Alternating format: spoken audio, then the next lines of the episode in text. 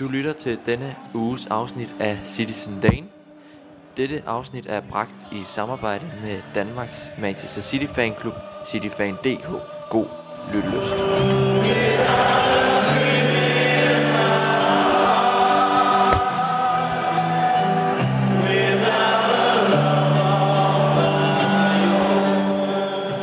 Så kan vi endnu en gang byde velkommen til landets eneste podcast om verdens bedste fodboldklub. Velkommen til Citizen Dagen.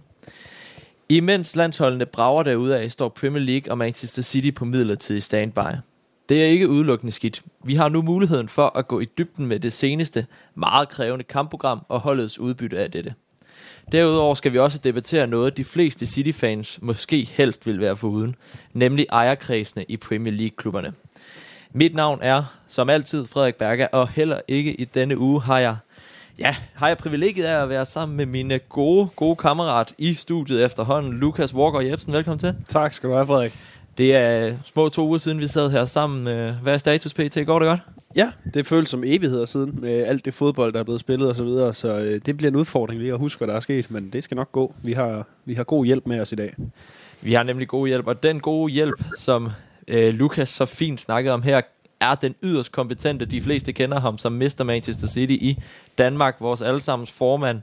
Manden bag utallige af de gode skriverier på cityfan.dk, Morten Olesen. Velkommen til, Morten. Tak. Og tak for, at du kunne øh, slå til med kort varsel her på en øh, mandag middag. Det var så fint, det skulle. Jeg har alligevel sådan en fridag, så det var fint nok. Det passede perfekt. En Morten Morten-dag, eller hvad er det, de siger i kloven? Nå, Ja, ja. det er en, øh, en kloven-reference her til at starte med.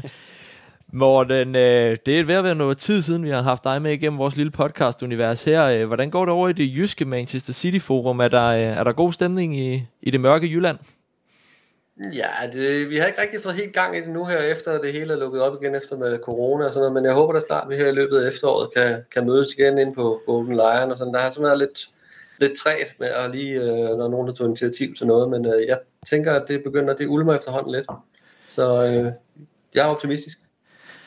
Vi er efterhånden ved at vågne op efter alt det her corona. Det gælder også os fra, fra Fyn efterhånden, kan vi sige til dig, øh, Morten, hjemme bag skærmen. Skal vi selvfølgelig sige til, til lytterne, at hvis de kan høre en lille forskel på lyden, så er det fordi, du ikke er i Odense med os andre, men øh, derimod sidder på en Skype-forbindelse fra Jylland. Det gør jeg nemlig.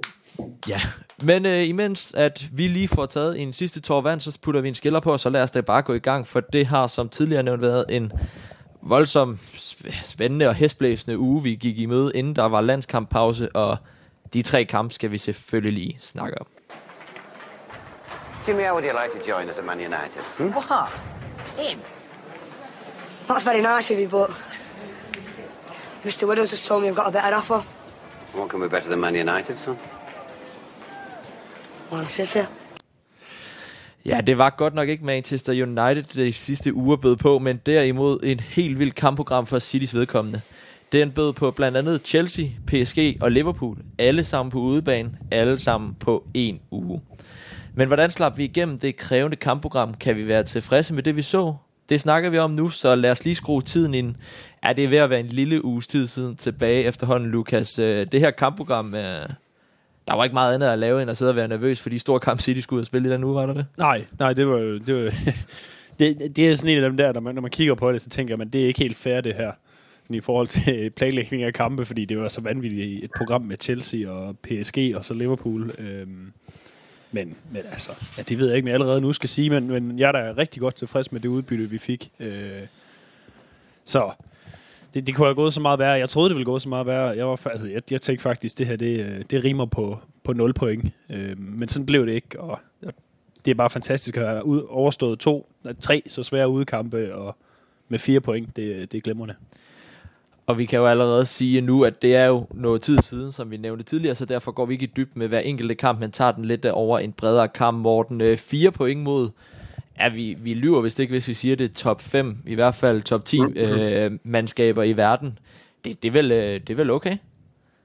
Det havde jeg 100% solgt den for, inden øh, de, de to, to svære udkampe i Premier League.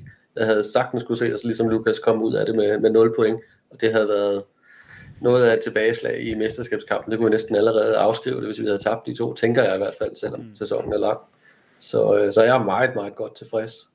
Også øh, med udtrykket holdet havde, specielt øh, faktisk Liverpool-kamp. Nu nævner du selv lige præcis Liverpool-kampen. Er det øh, den kamp i de her tre øh, svære kampe, du vil fremhæve som det, der stod så dels positivt, eller var der nogle, nogle andre øh, ting, du også ligesom springer i hovedet på dig? Ej, jeg synes også, den måde, vi greb Chelsea an på, og som jeg, har, som jeg så det og, og, og læst om det, så synes jeg virkelig, at øh, vi, vi greb kampen rigtig flot an øh, øh, med en god attitude. Men jeg er bare særlig imponeret over, at de tager til, til Anfield, som de bare notorisk har haft det svært på i, ja, i over 100 år nærmest. Jeg tror, vi vundet det 15 gange eller 20 gange på Anfield i historien. Så, så det er ikke et sted, vi plejer at, at få ret meget med os. Øh, og ja, jeg tænker bare, det var, det var, det var helt vildt. De er bagud. Vi er bagud to gange, ikke? og alligevel så, øh, så lykkedes det at få, øh, at få point med på et fyldt Anfield. Lige præcis. Et fyldt Anfield var det, jeg skulle til at fremhæve også, Lukas, for det er jo noget andet fra sidste sæson, hvor vi rent faktisk slog dem også. Øh, men der var jo ikke nogen fans, så sådan, det her Anfield-kamp, 2-2-kampen, øh, er det også det, du, øh, du vil fremhæve, eller? Altså, øh, jeg, det er svært, ja, det er jo svært at undgå det. Jeg, jeg vil nok umiddelbart sige Chelsea, simpelthen fordi City var så gode. Altså, de var også virkelig gode i første, specielt første halvleg mod Liverpool, men, men mod Chelsea, altså et hold, som indtil den kamp havde set fuldstændig ustoppeligt ud, øh, og som på Anfield også legede rundt med Liverpool, indtil de kom en mand i undertal. Øh, at, at City på, altså, fra, på den måde går ind og dominerer fra starten af, det synes jeg var... Øh, jeg var sådan lidt i chok på en eller anden måde over, at man, de spillede så godt og var sådan så aggressive og gode på bolden og sikre i, i spillet, og, og fik et, et hold som Chelsea i store dele af kampen til at se meget, meget uskarpe ud. Det synes jeg bare, det er nok noget af det, jeg har sådan været mest imponeret over i et rigtig godt stykke tid faktisk, når vi, når vi taler om City. Ja, Morten, fordi nu ved jeg godt, du, øh, jeg lovede ikke at spørge så meget ind til Chelsea-kampen. Der var noget med, at du havde et arbejde, der skulle, der skulle passe, så du kun så den sidste halve time. Men den her sidste halve time er vel også en, jeg sad og, og tænkte, det kan være det, der definerer Manchester City, fordi det er jo et, det er jo dem, der slog os i Champions League-finalen sidste år, som vi går mm. på udebane på Stamford Bridge, også i den fyldt, og, øh, og rent faktisk slår, og jeg vil nok argumentere for at skulle have slået større også. Det er, det er vel en pragtpræstation af gutterne. Absolut, og vi burde, vi burde, de burde irritere mig, at de ikke afgjorde kampen med, altså det er Grealish, der brænder en kæmpe chance. Jeg troede faktisk, det var mål, men øh, ja, det troede kommentatorerne også. Det, altså det var jo, og vi, jeg vil ikke sige, at vi havde de chancer det sidste, men øh, det var sådan Chelsea, der angreb os, men det var egentlig os, der havde de, de, de store chancer og muligheden for at afgøre kampen over flere omgange, men det var faktisk lidt irriterende. Så øh, ja, så leder vi selvfølgelig også efter de små hår i suppen her, når vi ja. altså et, en sejr på, på Stanford Bridge, Lukas. Liverpool-kampen, kunne, den fremhæver Morten lidt ekstra, selvom det kun, altså siger, sidder jeg siger her, kun 2 eller 2-2 på Anfield. Et, øh, et sted, vi har det svært. Også øh, holdets præstation, især, øh, især også i, i deres øh, spil, hvor de faktisk ja, hvad skal man, pasningsspillet og det hele, det lignede jo rent faktisk noget, det gamle City, vi kan til. Øh, var det også noget af det, du sad og, og kiggede med på den her? Ja, men det, det var det jo, uden tvivl. Øh, altså, nu, nu snakker du om, om hår i, små hår i suppen. Altså, det, jeg vil faktisk sige, det er, at det er en helt vildt lækker suppe med, med en, en, en god, et godt lille overskæg i, eller et eller andet, fordi der er godt nok noget med nogle brændte, brændte chancer, som... Øh, ja, nu, nu er det så... Du er gået okay, ikke også? Men hold da op, det har, det har godt nok været lidt frustrerende, og jeg sad også, nu der er gået noget tid siden Anfield-kampen der, og jo længere jeg kommer fra den, jo mere sætter jeg pris på det resultat, øh, når man nu tænker på, hvor meget momentum Liverpool får, og så på et fyldt Anfield og sådan noget der i anden halvleg.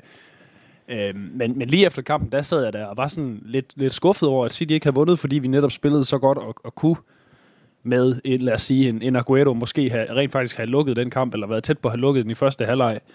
Øh, men, men altså, sådan er det igen. Det, øh, i så, god, så svær en periode, og så få så gode resultater, det, så skal jeg også passe på med at være for negativ, det ved jeg godt. Men.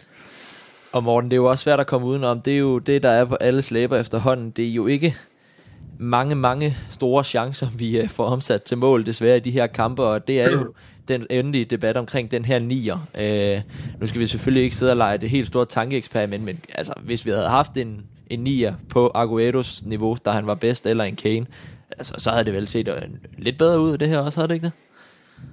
Jeg ved det ikke. Jeg er sgu sådan lidt øh, splittet i den der diskussion. Vi, vi har jo egentlig også nier, men de er bare ikke så, så gode som Aguero.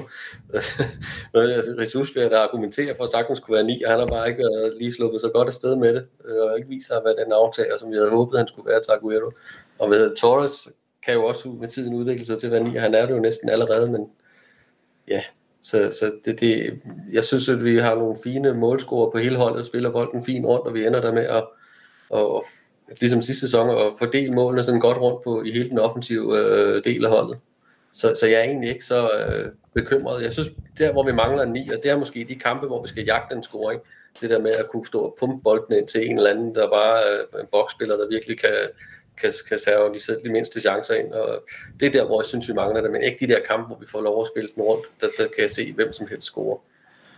Og det var måske vel også bare nærmere en, øh, ja, nogle uheldige kampe, hvor, hvor vi ser en Bernardo Silva, i hvert fald øh, i PSG-kampen. Nu har vi ikke snakket så meget om den endnu, men altså de her små, små øh, faktorer, der ikke lige var med os, i hvert fald i Liverpool-kampen, med, kan man selvfølgelig argumentere for en Rodri, skal, skal have en stor røsler sendt afsted for ham, før den sidste clearing, han laver i kampen, Lukas. Så er det bare de, de, de små ting, der kommer i løbet af sæsonen, når, når holdet ligesom får spillet lidt mere sammen, når vi har en Grealish også, der skal spilles ind i det offensive. Ja, ja, altså det er jo det er i hvert fald en meget øh, valid pointe, det med, at, der, at det er på den måde øh, jo lidt et nyt hold, fordi Grealish, han, ja, han bliver brugt hele tiden, måske endda også for meget, hvis du spørger mig. Han spiller jo hele tiden lige nu. Øh, han, han, skal, han skal ind i det, og han skal til at, at være lidt mere farlig, sådan direkte farlig. Øh, men, men derudover, så vil jeg nok også, selvom jeg også savner en angriber, så vil jeg give Morten ret i, at altså den bevægelse, vi har lige nu, skyldes jo i høj grad, at vi spiller med spillere, der, der ikke gerne vil lægge sig fast på, på en fast position som nier.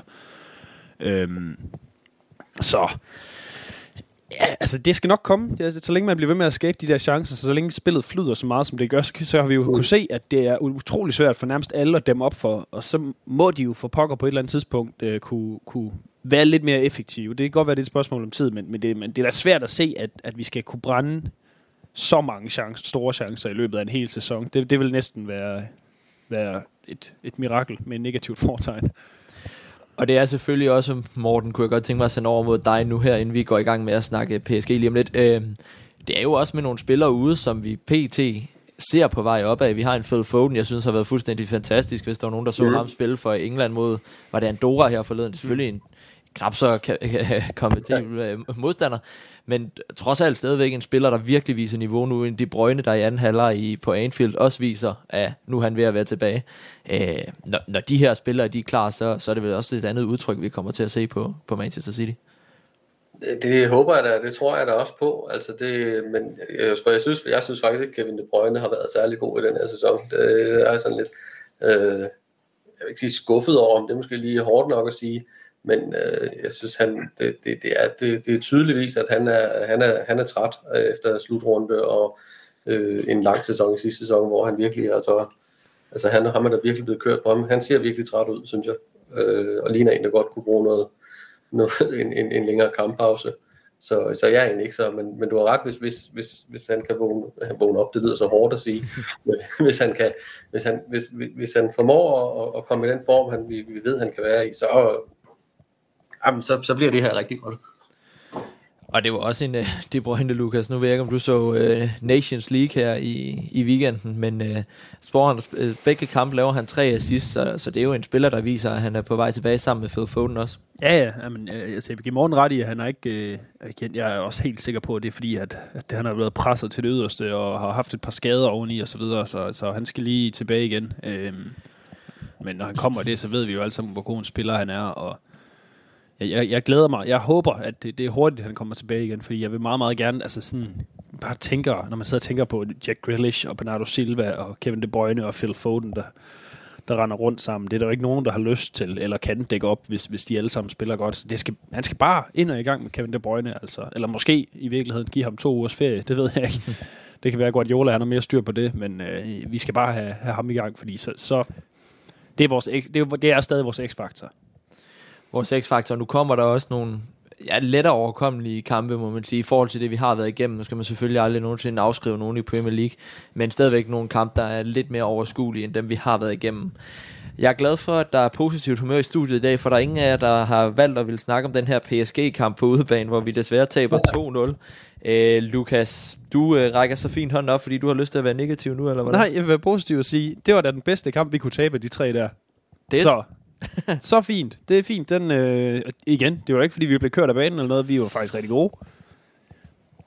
Det var en kamp, vi godt kunne tabe. Det var en kamp, vi havde råd til at tabe, i modsætning til de to andre. Fint. Jeg er positiv. Det var, synes jeg, var, det var helt okay. Skønt at høre, Lukas. Morten, øh, er du lige så positiv stemt også? Det er jo trods alt på udbanen mod et, et mandskab, der kan mønstre både Neymar, Messi og Mbappé i toppen. Jeg så den kamp, og jeg var ikke sønderlig skuffet bagefter, eller jeg synes faktisk, at de gjorde det rigtig, rigtig fint, og de havde også fortjent at få minimum af point med. Men der ser man jo måske netop øh, det der med, hvor der kunne blive netop den kamp, hvor vi godt kunne have brugt en top-top angriber og, og, og sparke den ind til, øh, som, som, som kunne banke de der øh, chancer. Vi, de, jeg synes ikke, vi havde mange chancer, men vi, vi havde et par rigtig, rigtig store, men det var ikke, fordi vi været i dem. Vi styrede kampen. Havde vi nu haft havde vi nu haft en, vi kunne sparke den ind til, så en Aguero, så tror jeg, skulle vi havde scoret et mål eller to, og så havde det været, sikkert været nok til et point, eller måske endda tre. Så jeg synes jo, det det bedste hold i den kamp, men PSG viser bare, at altså de, der er bare nogle spillere med x-faktor, en Messi for eksempel, ikke, som lige pludselig, øh, jeg så om ikke hele kampen, så lige pludselig banker den op i hjørnet. Altså det, der var, det er bare sådan, det er. Altså jeg var fint, øh, jeg var ikke skuffet bagefter. Jeg er fortrystningsfuld. Og det var selvfølgelig nok også det, man kunne have regnet lidt med, når Messi skulle spille mod sin gamle lærermester, som øh, endda ikke gik efter ham her i tra- transfervinduet. Så, øh, så skulle han jo selvfølgelig banke den op i kassen. Og ja, ja. det er vel heller ikke noget, der betyder det helt store. Nu nævner I begge to, at, at det ikke er fordi I er så negativt omkring det. Vores viderefærd, det er et PSG-hold, der allerede har smidt point til Klub Brygge, Lukas, i, i Champions League. Vi har dem på hjemmebane også. At der, der kan vi vel... Øh, altså, der, vi skal nok øh, gå videre fra den her gruppe, u- uanset hvad, men øh, forventningerne til, at vi kan komme nummer et, er vel stadigvæk højere, er det ikke det? Jo, og så har vi jo også snakket om før, at det kan godt være, at det ikke er så vigtigt, om man bliver nummer et eller to i den her sæson i Champions League. Nu hvor øh, der, der er blevet byttet lidt rundt på, på puljerne og magtbalancen, så at sige. Så jeg tror også bare, det er fordi Premier League er så, startet så intenst, og så, øh, altså, den er, det er bare benhård konkurrence, så det er virkelig det, der, der, der fylder i mit hoved lige nu, og ikke, ikke særlig meget Champions League. Øh, jeg synes bare, vi, vi skal videre, og hvordan det så, om det så bliver smukt eller grimt, det må vi se, og det betyder faktisk ikke så meget for mig lige nu. Altså, og hvordan vi går videre. Vi skal selvfølgelig videre. Selvfølgelig skal vi det, så vi også forhåbentlig på et eller andet tidspunkt kan få ja, en lidt bedre oplevelse med Champions League, end vi havde i København sidste sommer, Lukas ja. også to, og i Aarhus, hvad Morten og jeg selvfølgelig havde. Øhm, jeg synes egentlig, vi kom meget godt rundt om de kampe igen. Som sagt, senere hen skal vi debattere noget, som øh, vi bruger lidt ekstra tid på. Så øh, medmindre der er nogle af de to herrer i studiet, der har en sidste kommentar at, at smide på her, så, øh, så tænker jeg, at vi hopper på en hurtig skiller, inden vi går hen til de røsler bonier, som I har med. Bonnie, Bonnie, Bonnie, Will Ferrari, Bonnie, Bonnie, Bonnie. Who the fuck is Will Ferrari, Bonnie. And Clancy gets it through, and a chance on here for Uwe Rosler! And City have taken the lead! Uwe Rosler goes to take the acknowledgement of the delighted hordes of City supporters. Man bliver altid glad af at høre den her skiller. Ja, men I hvert fald den sidste halvdel. Ja, ja måske mest den sidste. ja, de øh, faste lyttere ved jo selvfølgelig, hvor vi er henne af nu. Vi er der, hvor vi skal snakke noget Røsler på skalaen Skalaen, hvor vi placerer to nyheder eller begivenheder om klubben på en skala, der går fra Uwe Røsler, som er den positive ende, til en Wilfred Boni, der er den negative ende vi behøver ikke gå mere i dybt med, hvad det her får. Jeg håber, de fleste efterhånden for, kender konceptet til det, og vi er flinke i studiet, så skal vi ikke lade gæsten starte, Lukas? Jo, det synes jeg. Morten, vil du ikke give os din... Uh, lad os starte med en dårlig først, så vi kan slutte på en positiv note. Jeg synes faktisk, det har været lidt svært at finde noget, der var dårligt. Altså sådan lige... Øh hvis jeg sådan skal være helt ærlig, så har jeg faktisk haft utrolig svært ved at finde noget, der var dårligt. Altså, jeg synes, det er lidt hårdt at give Kevin De Bruyne en, øh, en Boni, fordi de Boni og ordet De Bruyne og Boni i samme slætning, det er slet ikke, øh, det, er slet ikke, øh, det lyder helt forkert. Uh, så, så, så, det kan jeg heller ikke få mig selv til, men jeg synes godt, at han har været lidt uh, skuffende, lidt, men, men det er også lidt forstående, at han forståeligt, at han er lidt træt. Uh, og det kommer forhåbentlig, som vi også talte om før. Så øh, jeg, vil, jeg synes egentlig ikke, at han, han skal ikke have den, men jeg vil egentlig, øh, jeg vil egentlig, kan man give den til, at, jeg vil egentlig godt give den lidt til mig selv.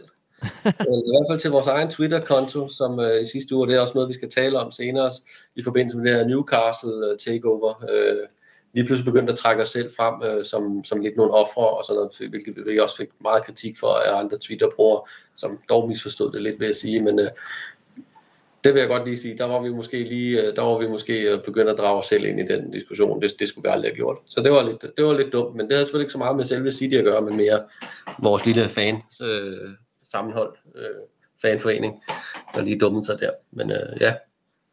Så fint, så fint. Det er også privilegiet ved at have en klub, hvor det går relativt udmærket for tiden. Ja, præcis. Jeg, jeg synes faktisk, det har været svært at, at, at finde noget. Øh, sådan lige, øh, så, skulle, så skulle vi nok ud på, på, på nogle ledelsesgange, så tager vi jo fat i her gamle diskussioner om, øh, om øh, venstre bak og en manglende nier og dit og dat og Super League og alt sådan noget. Ikke? Og det er, lad os nu bare lukke dem, det er alle de diskussioner i graven og komme videre. Så er det sjovt at kritisere sig selv. Det, det, er, det er med på, Morten. Den, Ja, ja, ja. Og ja. den, som sagt, du nævner den, den kommer vi til at snakke meget mere om i anden halvleg, også hvor vi kommer til, nu ved jeg godt, du selv siger det, men også trække lidt vores egne erfaringer med, med de ejere, vi selv Jo, har. det er selvfølgelig med helt i- i at trække sin egen, øh, ja, Ja, perfekt. Ved du hvad, de positive ting, der, der tænker jeg, der Yes. er noget vel mellem en ryster. Ja, jeg, det er det bestemt. Altså, jeg synes sgu godt nok, at, øh, at, at øh, der er nogle spillere, og det er måske, jeg ved ikke, om hvem dem skal falde ind på, om det er Pep Guardiola, eller om det er spillerne selv. Jeg synes virkelig, der har været mange, øh, og der vil jeg måske for, der vil jeg gerne fremhæve Bernardo og, og Laporte, som øh, blev rygtet så meget væk her i sommer og alt muligt.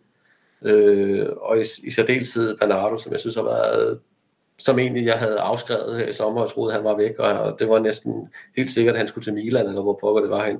Og, og nu spiller han jo noget af det bedste, han ligner faktisk den spiller, han, øh, han var for to år siden, da vi, da vi vandt mesterskabet lige der i klap, kapløbet med, med Liverpool. Han ligner en spiller, der virkelig har fået humøret og, og Manchester City humøret tilbage og elsker at være der igen. Altså det synes jeg var helt forrygende. Jeg synes, han var den, det jeg så imod Chelsea, synes jeg, han var den bedste. Jeg kan ikke forstå, at folk ikke, øh, at han ikke blev man of the match øh, alle steder. Altså jeg så var helt forrygende det, jeg så. Virkelig sikke en udstråling, sikke øh, humør, sikkert en turnaround, som man jo siger på moderne dansk nu. Han skal have min, øh, sammen med Laporte, det synes jeg også, han var også en, som I så, og måske, som jeg også troede ville være væk. Det er så lidt ærgerligt, at ikke vi ikke ser Stones noget mere, men jeg tror, at det hænger lidt sammen med, at han også har været lidt med med noget små skader. Bestemt, og det er også en spiller, jeg har skrevet på min liste. Ja. Wow. Øh, Bernardo Silva, Lukas, lige et par hurtige ord på ham, for vi sad og snakkede om, han skulle væk i vores øh, lille transfervindue, vi, øh, samtaler, vi havde. Ja, fantastisk spiller, og han er jo Manchester City, og alt det, fansen elsker at se ved en spiller, der er i klubben, er han ikke det? Bravo, Bernardo. Du bare må man sætte et par ord på. Det var det. Ja. og en Silva, der i hvert fald kan overtage det gode Silva-navn i klubben, han, Ja, øh, men, Fuck, ja, ja. ja, men det er jo det er et rigtig godt valg. Morten, synes jeg. Altså to spillere, som vi troede var væk, øh, men som lige pludselig er gået ind og er, har vist sig at være to af de vigtigste indtil videre. Det, øh, øh, det er lidt svært at forstå, hvordan, hvordan det kan gå sådan Ja. fra, øh, fra ja, at nu, nu er man ved at pakke sine sin gode sager og rejse, fordi man ikke gider mere til, at, Ja. at livet bare er ja, ikke lyserødt, det er lyseblåt igen. Det, øh, men det er jo bare skønt. det er nemlig skønt morgen. Ja, men jeg synes også, at altså, det er også, vi talte også om en spiller, jeg tænkte også på en spiller som Gabriel Jesus, som jeg synes har været Ja. i, i nogle kampe har været fuldstændig outstanding i den her mm. sæson. Øh, Og det var også en spiller, som mange så øh, hen, hvor peberet gror, og som også mange havde afskrevet her i sommer, at nu måtte hans tid være omme i klubben. Ikke? Og vi ser også en spiller som Rodri, som jeg altid synes har været en okay spiller, men aldrig sådan har, har været helt øh, faldet i svime over ham. Så synes jeg, at den her sæson virkelig har vist, at øh, i de her første, øh, hvad en 8-9 kampe, virkelig har vist øh, øh, et højt, et højt, højt niveau. Og så der topper han lige den der redning mod Liverpool, den der super tackling der. Øh, ja, det, han har virkelig også været, været en, som, som er kommet lidt tættere på mit City-hjerte nu. Lukas, ja. vil du ikke uh, give os din? Jo, øh, negativ. Starter i det negative. Øh, og jamen igen, det er jo, når, når det går rigtig godt, så skal vi jo grave lidt. Øh, og grave, det er der i hvert fald nogen, der har gjort, fordi nu er der jo kommet nogle, øh, en helt, en, jeg ved ikke hvor mange millioner dokument, øh, lækkede dokumenter, hvor øh, Guardiolas navn fremgår i. Øh, noget med nogle penge, som vist nok ikke lige er blevet, øh, blevet delt med resten af samfundet, som de skulle have været, og jeg ved ikke særlig meget om det, fordi jeg synes ikke, det har været så nemt at finde information, og jeg er sikker på, at det der gravarbejde slet ikke er færdigt nu heller. Øhm, men hvad synes jeg bare, hvor er det frustrerende. Øh, jeg synes, altså, det er ikke det, vi har brug for i City. Det er, altså, generelt så er det bare sådan, lad dog være med at snyde i skat, din millionær kloven. Altså, det, det skal man jo ikke gøre, og jeg synes bare, det, det, det er sådan lidt træt, træt, trættende, fordi det, det sætter bare City i, i den slags lys, som vi, vi bliver forbundet med hele tiden, og som vi bare ikke gider at høre på mere. Og så er den der vores manager, der nu til synlædende øh, også har, har en eller anden form for øh, plettet historik der. Det synes jeg bare er... Jeg var så skuffet, da jeg læste det. Det kommer ikke til at have nogen indflydelse på City eller noget, men det er bare super skuffende. Er det officielt? Altså, er det ikke bare, øh, er det ikke bare stadigvæk i anklager? Altså, man har jo ikke fundet ud af, at han decideret har, har været i skattely. Har man. Nej, nej, det har man nemlig ikke, men hans navn er, er dukket op i de der dokumenter Ja. der. Det er de nok ikke uden grund. Nej. Øhm, Det var blandt mange navne, ikke? Jo. Der var også en som Tony Blair, den tidligere premierminister i England og sådan nogen. Altså, men det var, han var en af de mere prominente navne, som også, øh, jeg kunne se, var det Jyllandsposten, øh, også da de havde historien, så var det lige ham, de smed billedet på øh, Ja. artiklen, ikke? Så Pochettino er vist også øh, Ja. ja. måske manageren. Altså, så der, der er, lige når det kommer til sådan noget der, der er nok ikke så meget røg uden ild et eller andet sted. Øhm, desværre ikke, nej. Men nej, han skal da, altså, det kan da være, at han er helt uskyldig, og der er nogen, der har skrevet forkert, at det var ikke øh, den Pep Guardiola. Men altså, hvad ved jeg? Det, øh, jeg synes bare, det var, det var skuffende at læse, at, at vores manager, vores øh, styrmand, han øh, til synligheden lige er grådig nok, når det kommer til, Ja. til kontrakter og, og penge. Hvor man i tilsyneladende skulle tro, at han havde nok penge til at kunne betale lidt i skat også. Men øh, ja, sådan er det. Vi må jo lade den ligge indtil, men det er jo altid stof til de der ekstra kritikere Ja, omkring City. Der, der, der er en let er vinkel for, der. Altså, hvis, altså, det er jo ikke for at holde hånden over dem, men det er nogle gange også, jeg tænker, at de her spillere og manager, de her højt profilerede fodbold, inden for fodbolden, de har nogle, nogle rådgiver, som måske, det er måske mere dem, der ikke er helt fine i, i kanten. Men det er bestemt så ikke for at holde hånden over dem, men det er måske en lille, en lille øh, argument for. Ja, og igen, vi, ja. hva, jeg ved ikke særlig meget. Vi ved ikke særlig meget Nej. lige nu. Så, så det er jo, vi skal ikke... Øh, altså, vi, vi, vi kan have høtyven og faklerne stående et eller andet sted, sådan i nærheden, men vi skal ikke øh, løbe med dem endnu. Så må Nej, vi se, nej, hvad der sker. Nej. Præcis. Det er så fint, og selve bare det rygtet kommer ud, så, så er der jo nok et eller andet om det, desværre. Men Lukas, øh, din positive røsleren? Ja, øh, den kommer sådan lidt et andet sted fra, fordi øh, nu så jeg Ferran Torres, der spillede, øh, hvad hedder det? Nation, nej, Nations League. Nations League hedder den jo. Mm. Øh, hvor han jo scorede to rigtig, rigtig flotte mål mod, hvad har det været? Det var Italien her i sidste uge på et eller andet tidspunkt. Jeg glemmer, hvornår det var. Øhm, og han spiller bare sindssygt godt, når han spiller for Spanien. Øh, så det skal han have lidt ros for, fordi hvor vil jeg gerne se ham gøre det samme i City. Øh, han er virkelig en målscorer, når han spiller for Spanien. Det har han jo også lidt været i City i starten af sæsonen, men hold da op, var der noget potentiale i ham. Så øh, jeg sender en lille bitte røsler fra en notorisk målscorer til en, der forhåbentlig kan blive det for City. En Fedon Torres, jeg faktisk ville have fremhævet også blandt de spillere, du nævnte tidligere, Morten, som, øh, som ja. Virkelig har gjort det godt. Vil du putte et par ord på ham også, inden vi hopper videre? Jamen, jeg har det ligesom Lukas. Jeg, altså, jeg, har, jeg synes ikke rigtigt, at han præsterer for City. Øh, I hvert fald ikke, når vi spiller mod, når det spillet imod de bedste hold, så synes jeg, at han nærmest er usynlig. Øh, I hvert fald det, jeg sådan lige kan huske og har set ham. Men når vi spiller mod de sådan lidt, øh, al respekt, dårligere og mindre gode hold, så, så er han god at have. Jeg kan simpelthen ikke, det er et mysterie for mig, at han spiller score mod et af Europas, øh, måske det verdens bedste fodboldlandshold to gange. Og så når han spiller Premier League for os, øh, så, så er han så usynlig i hvert fald, når modstanderen hedder Chelsea eller United, eller hvem det nu kan være, Liverpool. Men det er også der. Så må, nu må Guardiola ja. Ja. simpelthen sætte sig ned og øh, kigge på nogle øh, spanske landsholdskampe igen og igen. Ja. Og så se, hvad, hvad er det for nogle løb, han tager? Hvad er det, der fungerer for Ja. ham? Øh, kan vi få det implementeret i vores, i vores angreb? Så kan det godt være, at vi skal gå lidt på kompromis med et eller andet, men, men kan vi få Ferran Torres til at være mere en trussel? Fordi det er nemlig, som Morten siger, det tror jeg alle City-fans har haft det sådan indimellem, at Nå ja, Ferran Torres han spillede også i dag. Det vidste jeg ikke. Altså, sådan har det været indimellem. Men åh, hvor ville det være godt, hvis man kunne få ham, øh, ham i gang. Fordi han har jo tydeligvis talentet til at score mål. Bestemt. Jeg tror også, man skal have med, at det spanske landshold ikke er i nærheden af at have det niveau, det har før. Det var for meget bliver sat op omkring hele hans løbemønstre, og alt. Ja. bliver sat op omkring ham, hvilket hvor han så også får en bedre mulighed for at blomstre. Jeg har faktisk været utrolig personligt, hvis jeg lige selv må, må tillade mig at have en holdning i det her, været utrolig øh, overrasket over ham her i starten, for jeg synes virkelig, hvis du sidder bare kun og holder øje med ham, og så ser de løb, han tager gang på gang på gang, og alle de meter, han løber for at skaffe øh, plads til sine medspillere, så, øh, så mangler han stadigvæk bare at få de bolde og få de løbemønstre inkorporeret i Manchester City-spil. Helt Så øh, kommer der virkelig mange mål, for han, er, han arbejder knaldhårdt hver evig eneste gang, han er på banen. Men det er også der, jeg tænker, den, den ligger mere på Guardiola end på mm. Torres selv. Det, det, vil jeg, det vil jeg mene, øh, uden at være ekspert på området. Men altså, det, det, der må være en eller anden måde, hvordan man kan få sat ham i nogle situationer, lidt som, som det lykkes for Spanien at gøre. Præcis, og det, øh, det- kan man jo håbe. Jeg husker jo også, at Sané han startede utrolig ringe for, for City første gang. Første sæson, han havde i klubben, og så kan vi vist alle sammen skrive under på, at han blev en fantastisk fodboldspiller efterfølgende. Så, øh, så lad os da håbe, at Torres han har i hvert fald evnerne til at, at følge efter Sanés fodspor. Jeg øh, vil sige tusind tak det her, for at I havde medbragt nogen. De, øh, vores lyttere må have haft en rigtig god weekend. Der er desværre ikke kommet nogen ind der igennem den kanal. så der har jo været kanon god weekend med landskamp og det hele. Så, øh, så derfor så holder vi den ved jeres meget kompetente bud, og hopper vi ellers videre til det, som, øh, som du nævnte lidt om kort før, Morten, nemlig at det hele den her debat omkring de udenlandske ejere i Premier League-klubberne. Absolutely disgusted.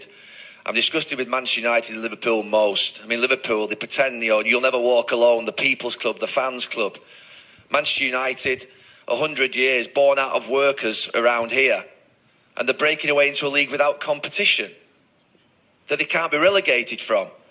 It's an absolute disgrace. And honestly, we have to wrestle back the power in this country from the clubs at the top of this league. Ja, det var godt nok den gode Nevilles udbrud, efter alt det her Super League kom frem, men det var trods alt stadigvæk nogle af de samme følelser, mange sad med, dog ikke omkring Liverpool og United, men derimod Newcastle. I kender alle diskussionen. Hvorfor holder I med en klub, der har mellemøstlige rigmænd som ejere? Går I ikke op i menneskehedsrettighederne? De spørgsmål skal Newcastle-fansene også til at svare på, men det rejser det helt store spørgsmål. Hvad skal vi som fans gøre ved den udvikling, og er det egentlig overhovedet en problematik? Det, øh, det lille emne, synes jeg, vi skal gå i gang med at debattere her i vores lille podcast-univers, og selvfølgelig med et lille blinkesmiley ved siden af lille, fordi det er jo et kæmpe emne, det her, Morten. Du øh, ja. snakkede om det, og har været meget aktiv på Twitter omkring hele det her.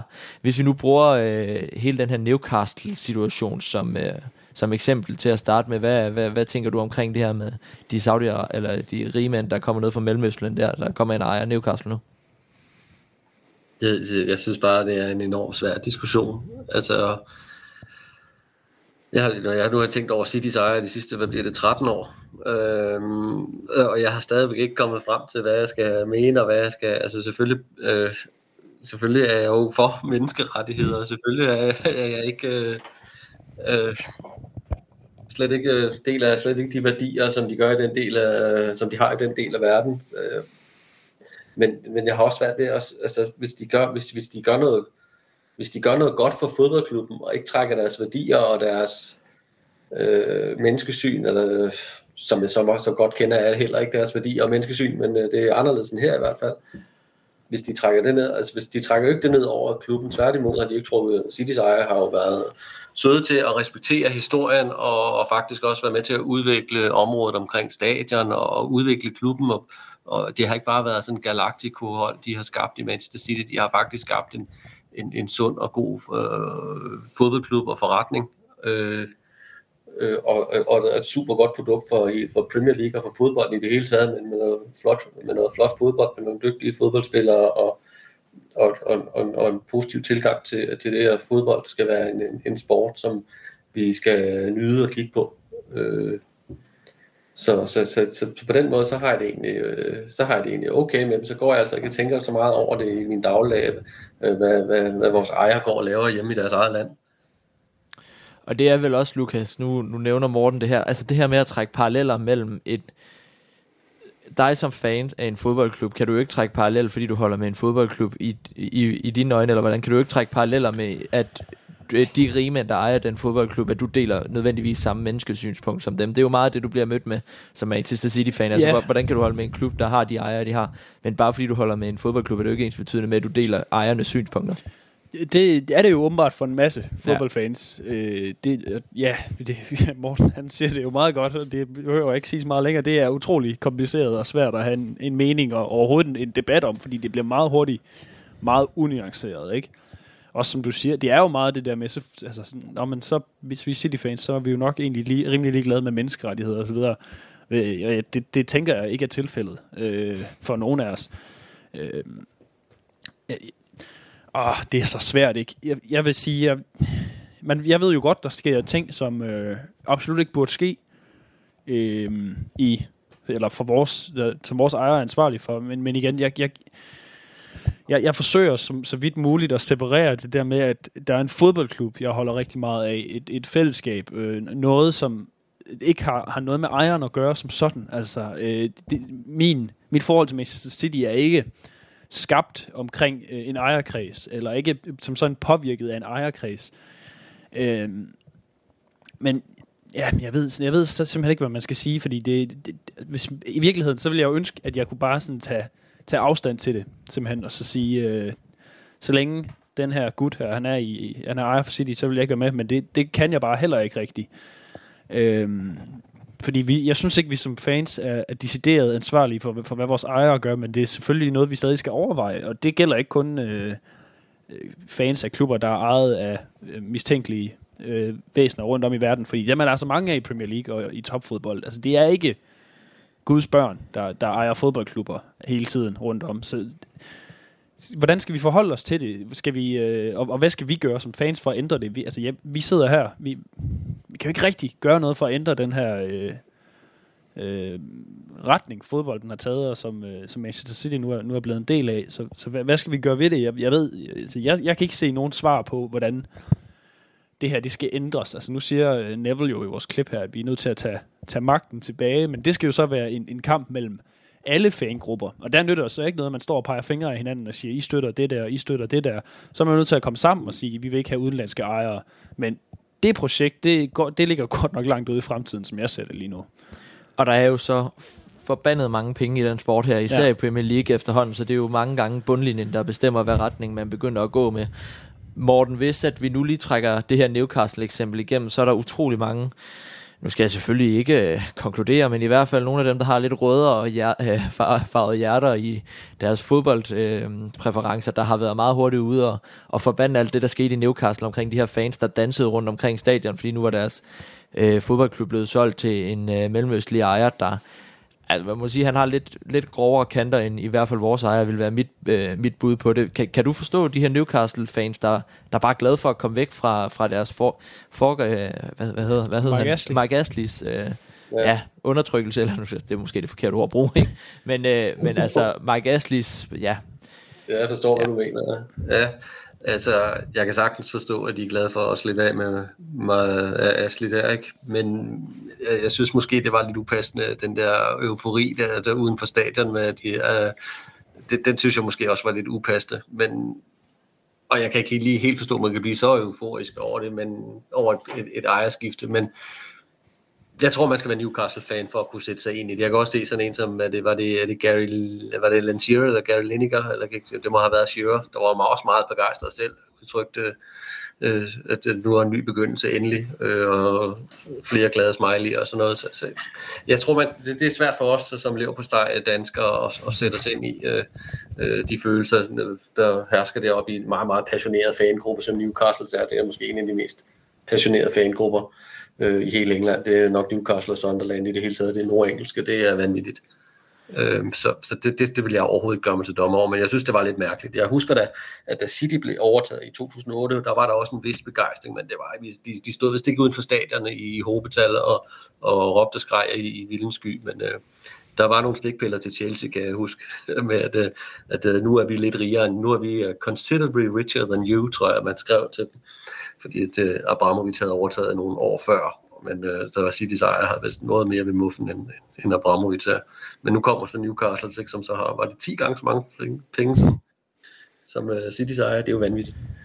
Det er helt vanvittigt, den pengetank, ja. de, har, de har liggende bagved os, Lukas, og, og alt det her Newcastle. Altså, jeg ved ikke, jeg fik måske lidt mere personlig tilgang på det, fordi mange af de fans, du så foran stadion der, det var bare nogen, der holder med en klub, de har set gang på gang tage altså ikke investere. Altså Mark Ashley har aldrig investeret i den klub mm. ordentligt, og, og det er jo en stolt klub, selvom de ikke har vundet af mesterskabet af det siden 27. Øhm, altså det er vel bare nogle fans, der igen så er vi tilbage ved det her med fansene, og uden at trække paralleller til os selv, de her Newcastle-fans, er vel bare glade for at se, at nu får de nogle ejere, der rent faktisk har de her drømme om at komme Champions League og komme op i toppen af Premier League igen.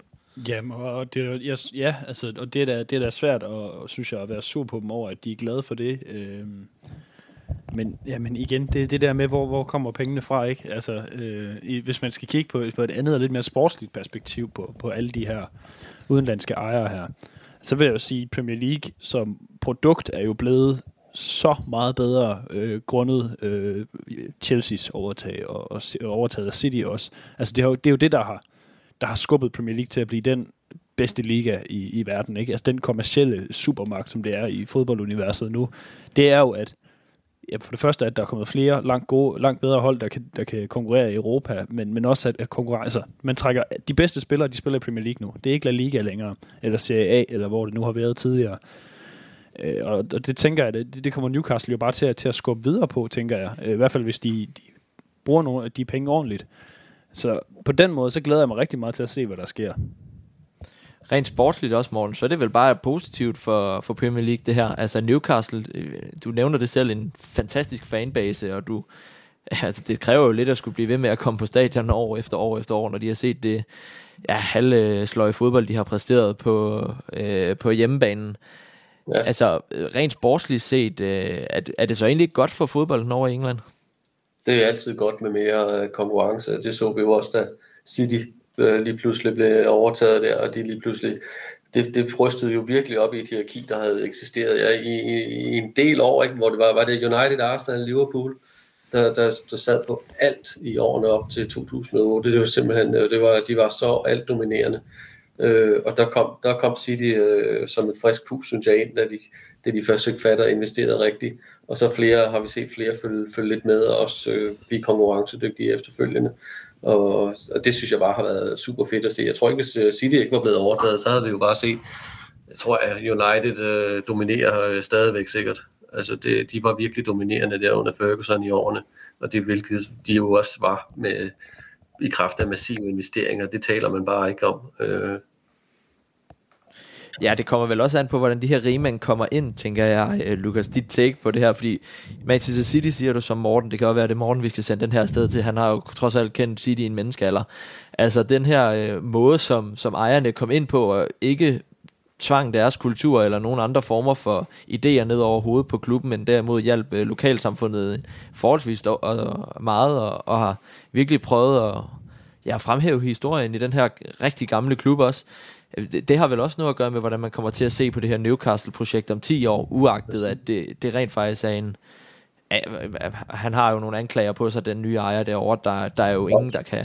Der kan ja. ja. Og jeg skal ikke kunne sige, om de er rigtige anklager eller noget. Det, det er de sikkert, og det vil jeg overhovedet ikke kloge mig på.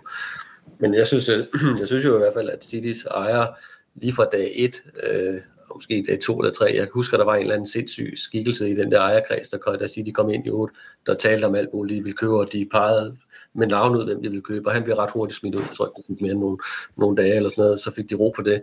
Og så for, ellers så har de jo stort set været i klubben med respekt øh, for historie, respekt for fansene, respekt for, for alt, hvad der omgiver Manchester City. De er ikke kommet ind og vil skabe et eller andet Galactico-hold, bare ved at købe et eller andet. De har vel skabe en, en, en helhed. De er gået ind og investeret også i noget damefodbold, som vi også ser en masse positiv udvikling i, øh, i de her år. Øhm, altså træningsanlæg. Øh, det, det, det har virkelig været en helhed. Der har slet ikke været noget der. Og, der, og men, men, men så, så er det lidt mærkeligt med det her regnbueflag, de også kører med, når man så tænker på, når man så tænker på, hvor de, hvor, hvor, hvordan de ser på sådan noget der i de der arabiske lande. Ikke? Altså, det er så lidt sjovt, men, øh, det, der er en, det viser, men det viser jo, at der trods alt er en respekt for en, for en vesteuropæisk øh, kultur, at man ikke går ind og, og det tror jeg også vil være et ramaskrig, hvis de tror også godt, de ved, det vil være et ramaskrig, hvis de kommer ind med noget som helst af den slags i, i, en, i en engelsk fodboldklub.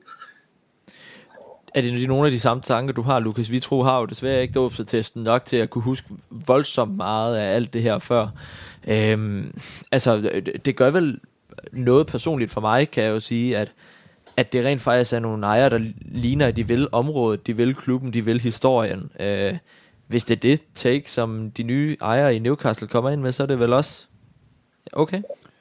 Det er i hvert fald langt bedre end, end alternativet, men, men jeg tror, altså, der må jeg så sige, at det, jeg tror ikke, de kommer til at lykkes særlig godt med det, hvis, hvis de ikke gør, som Morten lige opriser, altså alt det, der, der er foregået i City, de, de, de er nødt til at, at have en forståelse af, hvad det er for et, et, et, et landskab, de ligesom øh, har, har købt sig ind i nu, og netop som Morten også siger, Newcastle, det altså deres fans, det fandt Mike Ashley nok også meget hurtigt ud af, han gad bare ikke gøre noget ved det, men deres fans skal man jo ikke prikke for meget til, før, før, der, før der er ballade, så det, forhåbentlig så er det sådan, de gør det, at de vil have respekt for klubbens historie, øh, den, jamen altså, den enorme institution, som, øh, som Newcastle er i engelsk fodbold.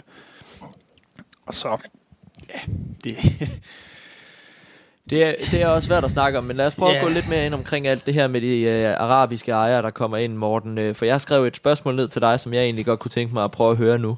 Vi har, vi har dejset lidt rundt omkring den. Den ja. Fodboldkultur, du synes, der var i England, lad os bare tage tilbage til 90'erne.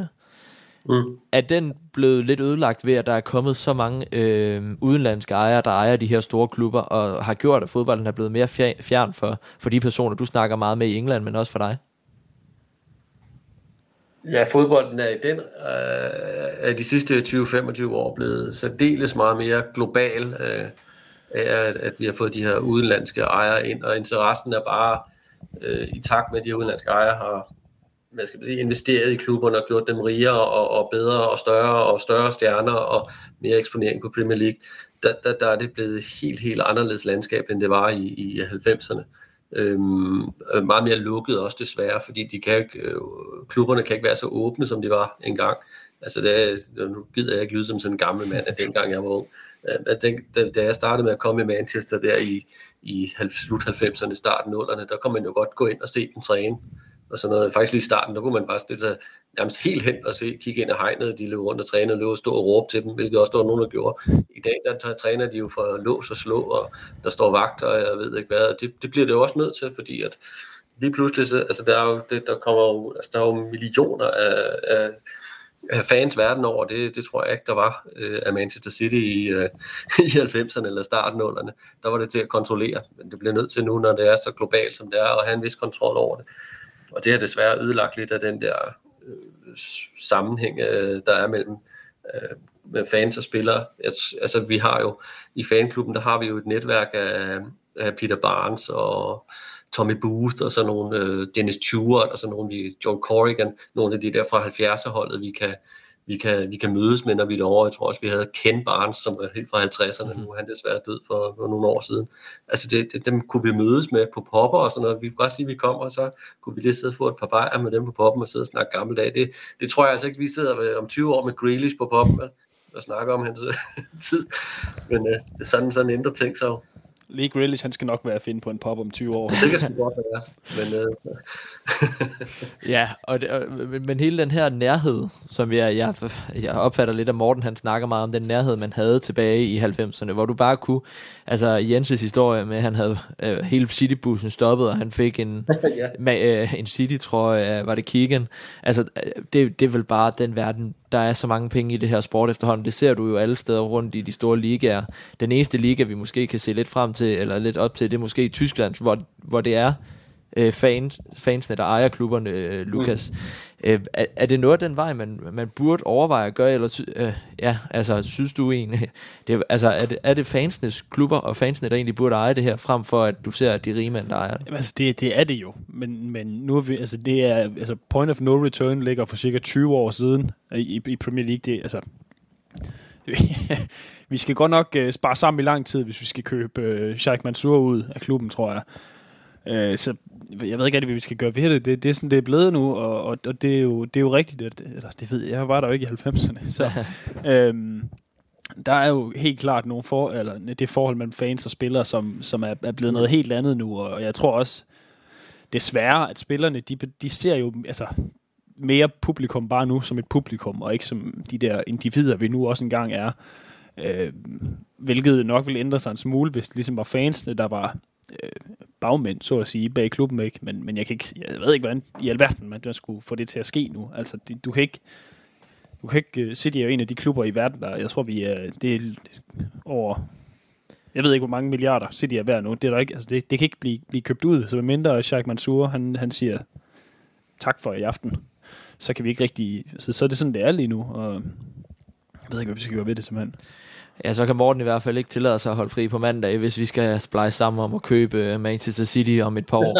øh, men øh, Morten, du, du, nævnte, du sagde nikket, da jeg nævnte Tyskland. Er det, er det noget, du, du synes fungerer lidt bedre for dig også som person? Kunne du bedre se, hvis det rent faktisk var de her lokale fans, der ejede klubberne, både Liverpool, Manchester City og United for eksempel?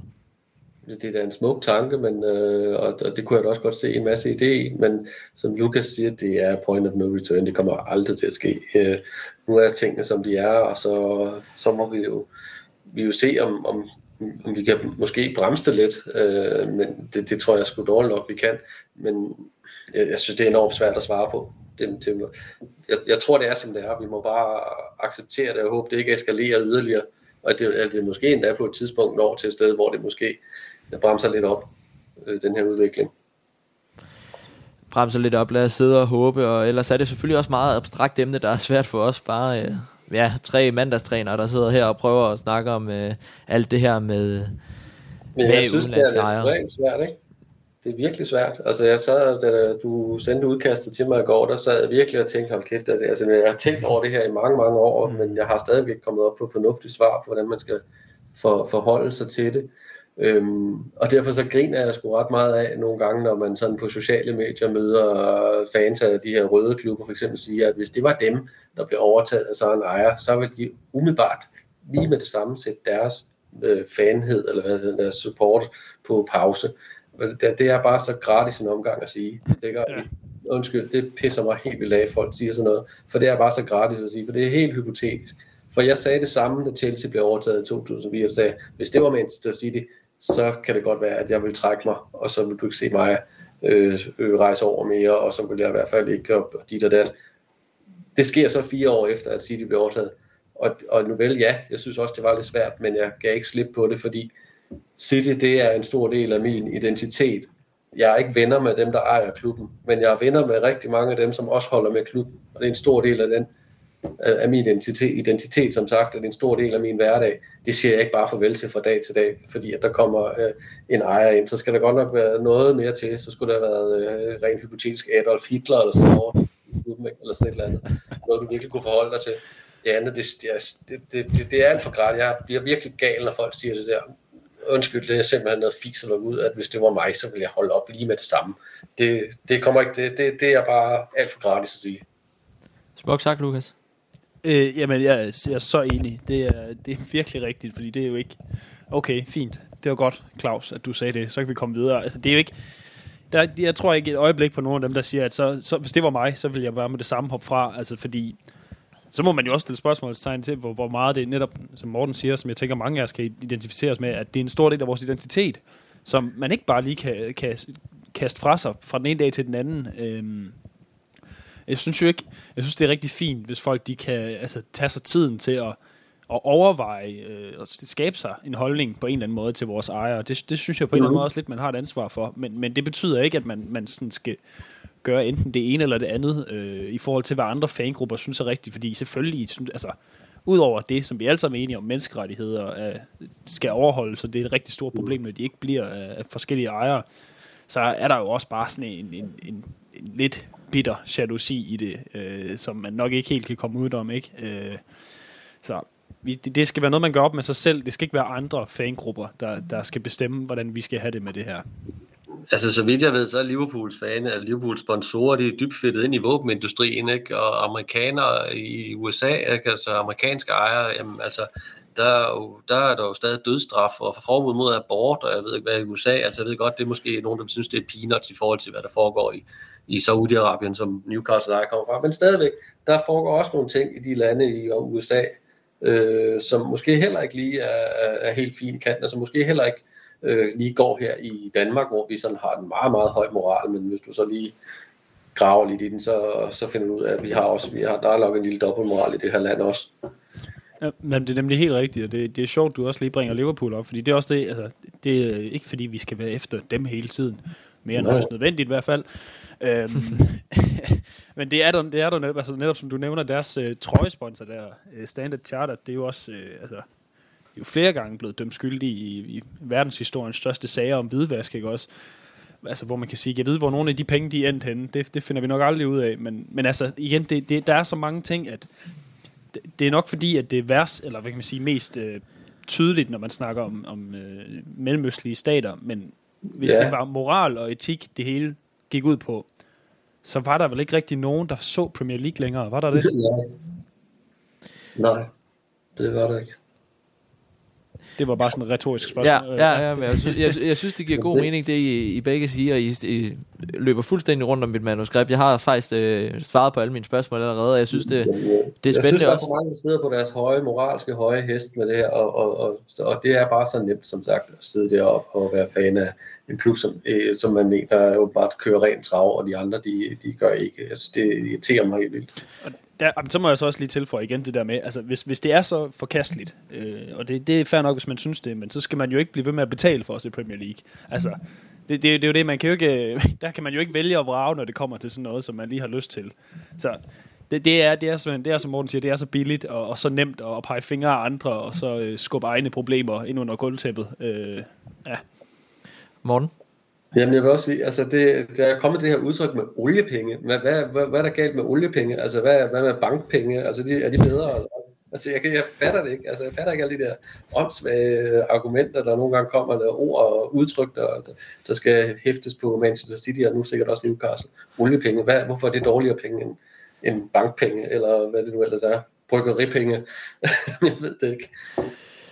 Det er for at simplificere en meget kompleks sag, og så er det lettere at skabe clickbait-overskrifter, Morten. Det kan jeg helt så sige. Ja, jamen, det kan godt, øh, jeg prøver at være selvkritisk og selv, mm. men øh, det kan godt irritere mig, at jeg skal mødes, og når man skal mødes med, med fordomme og alle mulige åndssvage øh, ting, som øh, en plade, der bare kører rundt i samme rille hele tiden.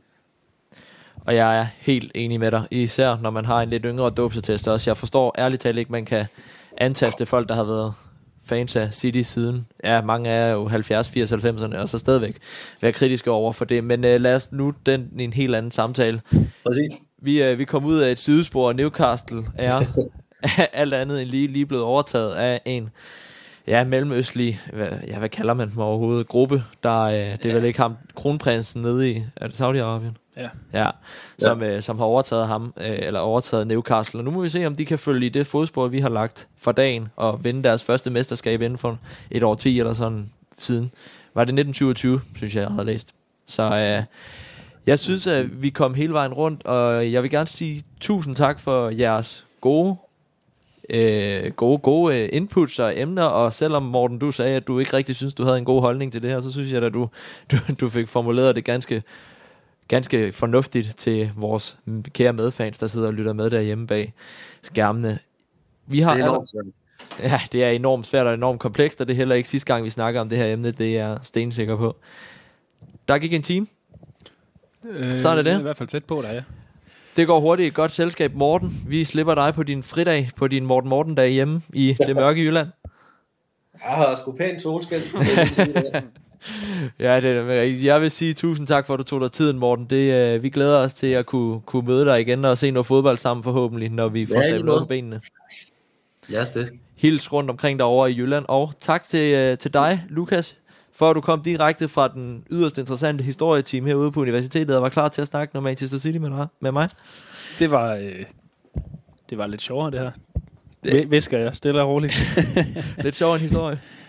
ja, ja. Man kan ikke uddanne sig i Manchester City, desværre. Men øh, Det må vi tage op med universitetet. det, det kan være, at vi laver en ny uddannelse. Ja, vi, øh, vi starter, så kan Morten få lov til at være professor. Nå, drenge, tusind tak for, at I øh, stiblede ind. Og så til alle lytterne kan vi sige, øh, ja, tak for denne gang. Vi snakkes, jeg, Frederik Berger, går på en lille efterårsferie, så der går nok lige en små to ugers tid, før at I hører fra os igen. Men til den tid er vi klar igen med dukfriske nyheder om Manchester City og snak om verdens bedste fodboldklub. Ha' det godt. Hej hej. Boom, boom, boom, boom, boom, boom, boom, boom, boom, boom, boom, dang, dang, dang, ding, and on, ding, doo. You saw me standing alone without a dream in my heart, without a love of my own. Boom, boom, boom, dang, dang, dang, ding, and on, ding, blue moon.